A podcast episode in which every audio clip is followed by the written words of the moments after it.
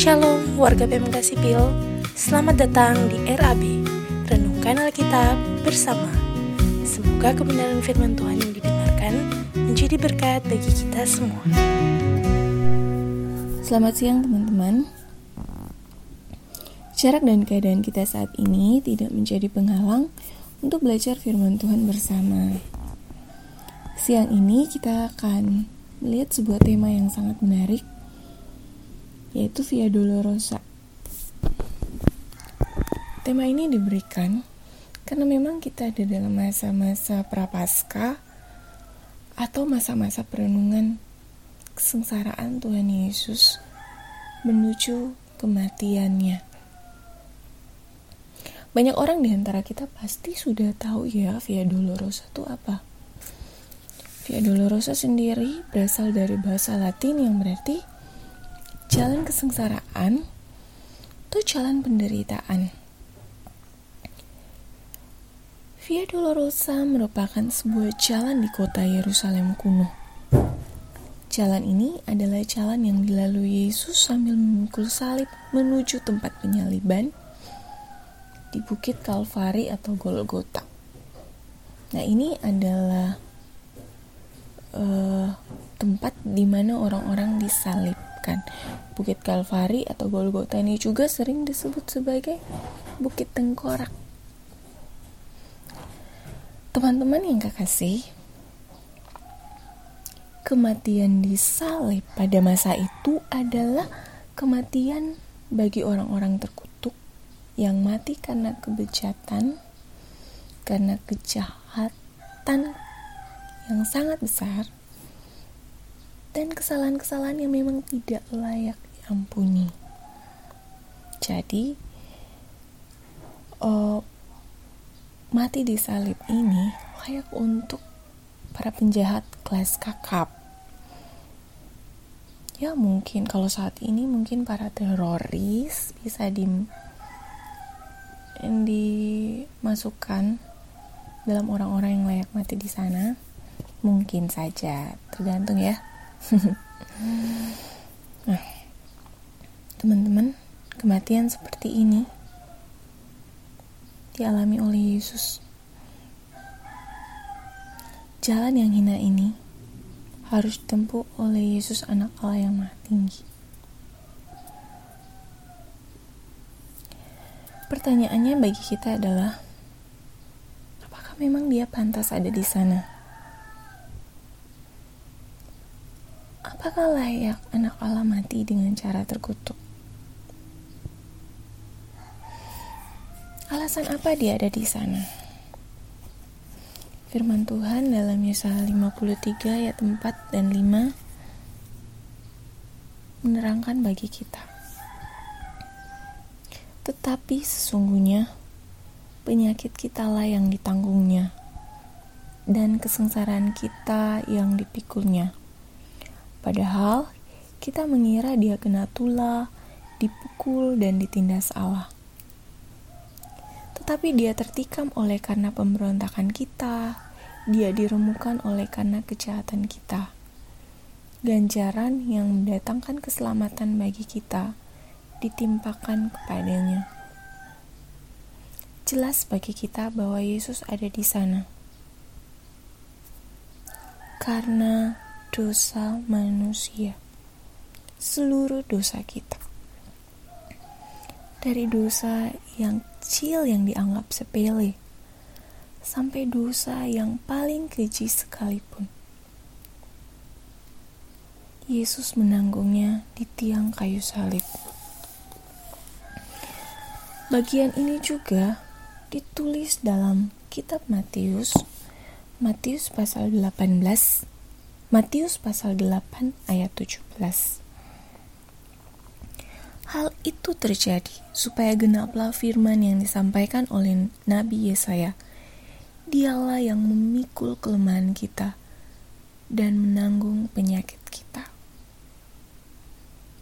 Alasan Yesus ada di sana adalah karena umatnya yang ia kasih. Kematian terkutuk itu menyalibkan dosa kita bersama dengan Yesus. Yesus tidak layak ada di sana. Tapi karena manusia, dia ada di sana. Bagi kita lah, dia ada di sana. Lalu pertanyaan penting yang harus kita pikirkan adalah apakah Kristus harus menebus manusia? Kalau memang alasan manusia dia ada dalam kematian itu, dia ada untuk manusia. Apakah memang dia harus menebus manusia? Jawabannya adalah tidak. Kristus tidak harus melakukan karya penebusan itu. Allah tidak harus memberikan putra tunggalnya untuk melakukan karya penebusan itu. Mengapa teman-teman? Yang pertama kita dapat membandingkan. Bukan hanya manusia yang melakukan dosa, tetapi para malaikat juga jatuh dalam dosa. Secara kedudukan, malaikat posisinya lebih tinggi daripada manusia. Tapi ketika mereka jatuh, apakah Allah menebus mereka? Tidak. Dia tidak menebus mereka. Berarti tidak harus Allah menebus ciptaannya pula bukan? Jika malaikat saja tidak Allah tebus, harusnya manusia juga tidak harus ditebus oleh Allah. Yang kedua, tidak ada keharusan bagi Allah untuk menebus manusia karena tidak ada yang lebih besar dari Dia yang membuat Dia terikat dengannya, dan itu uh, tidak harus membuat Dia menembus ciptaannya, bukan? Karena tidak ada yang lebih besar dari Dia. Alasan yang ketiga adalah kitab menjelaskan bahwa semua orang telah berdosa dan telah kehilangan kemuliaan di hadapan Allah. Itu berarti tidak ada hal baik pun dalam diri manusia yang membuat Allah harus menebusnya, harus menyelamatkan dia. Karena karena dosa manusia harusnya dimurkai dan hidup dalam penderitaan. Bahkan dia sendiri yang harus menanggung hukuman dosa itu.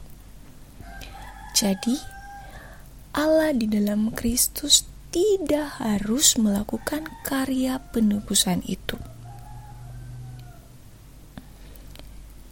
Teman-teman yang kekasih,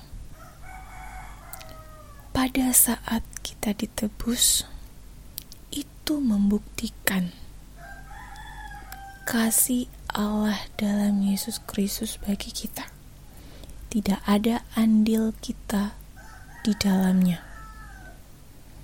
Murni karena dia mengasihi umat pilihannya.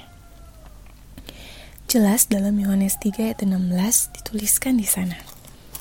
Karena begitu besar kasih Allah kanunnya ini, sehingga ia telah mengaruniakan anaknya yang tunggal, supaya setiap orang yang percaya kepadanya tidak binasa melainkan beroleh hidup yang kekal. 1 Yohanes 4 ayat 10 menuliskan juga seperti ini. 1 Yohanes 4 ayatnya yang ke-10 dan inilah kasih itu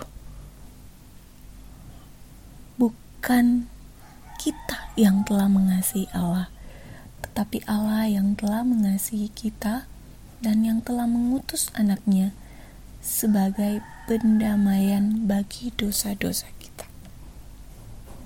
Jadi, Allah tidak harus melakukan karya penembusan itu. Tapi ketika kita ditebus, murni karena Allah mengasihi manusia karena kasihnya Dia rela datang dalam wujud manusia, merasakan penderitaan-penderitaan kita, bahkan mati supaya kita diselamatkan. Saudara-saudara yang kekasih, teman-teman yang kekasih, dalam kematian terkutuk itu, keadilan Allah dan kasih Allah bersatu di sana keadilan Allah untuk menghukum dosa. Di sana keadilan Allah untuk menghukum dosa dan murka Allah atas dosa terjadi di sana. Tapi kasih Allah juga dinyatakan di kayu salib untuk menyelamatkan kita. Masalah utama manusia adalah dosa telah diselesaikan oleh Allah. Dan karena itu, tidak ada alasan bagi kita untuk tidak menyerahkan diri diubahkan oleh Dia. Jika masalah terbesar kita telah diselesaikan oleh Allah karena kasihnya, maka Dia pasti akan memelihara dan menyelamatkan hidup kita, mengubahkan hidup kita, membarui hidup kita. Ketika kita mau percaya dan mempercayakan hidup sepenuhnya bagi Dia. Teman-teman yang kekasih, bagi saya seorang pendosa, kematian Kristus karena kasihnya, pengampunan Kristus yang dikerjakan di kayu salib adalah pemberian yang mahal. Ibarat utang yang tak mampu saya bayar, di kayu salib itulah dia melunasi semua utang-utang saya. Saya tidak punya alasan untuk tidak menyerahkan hidup saya bagi Dia, dibarui dan dipakai untuk memuliakannya. Bagaimana dengan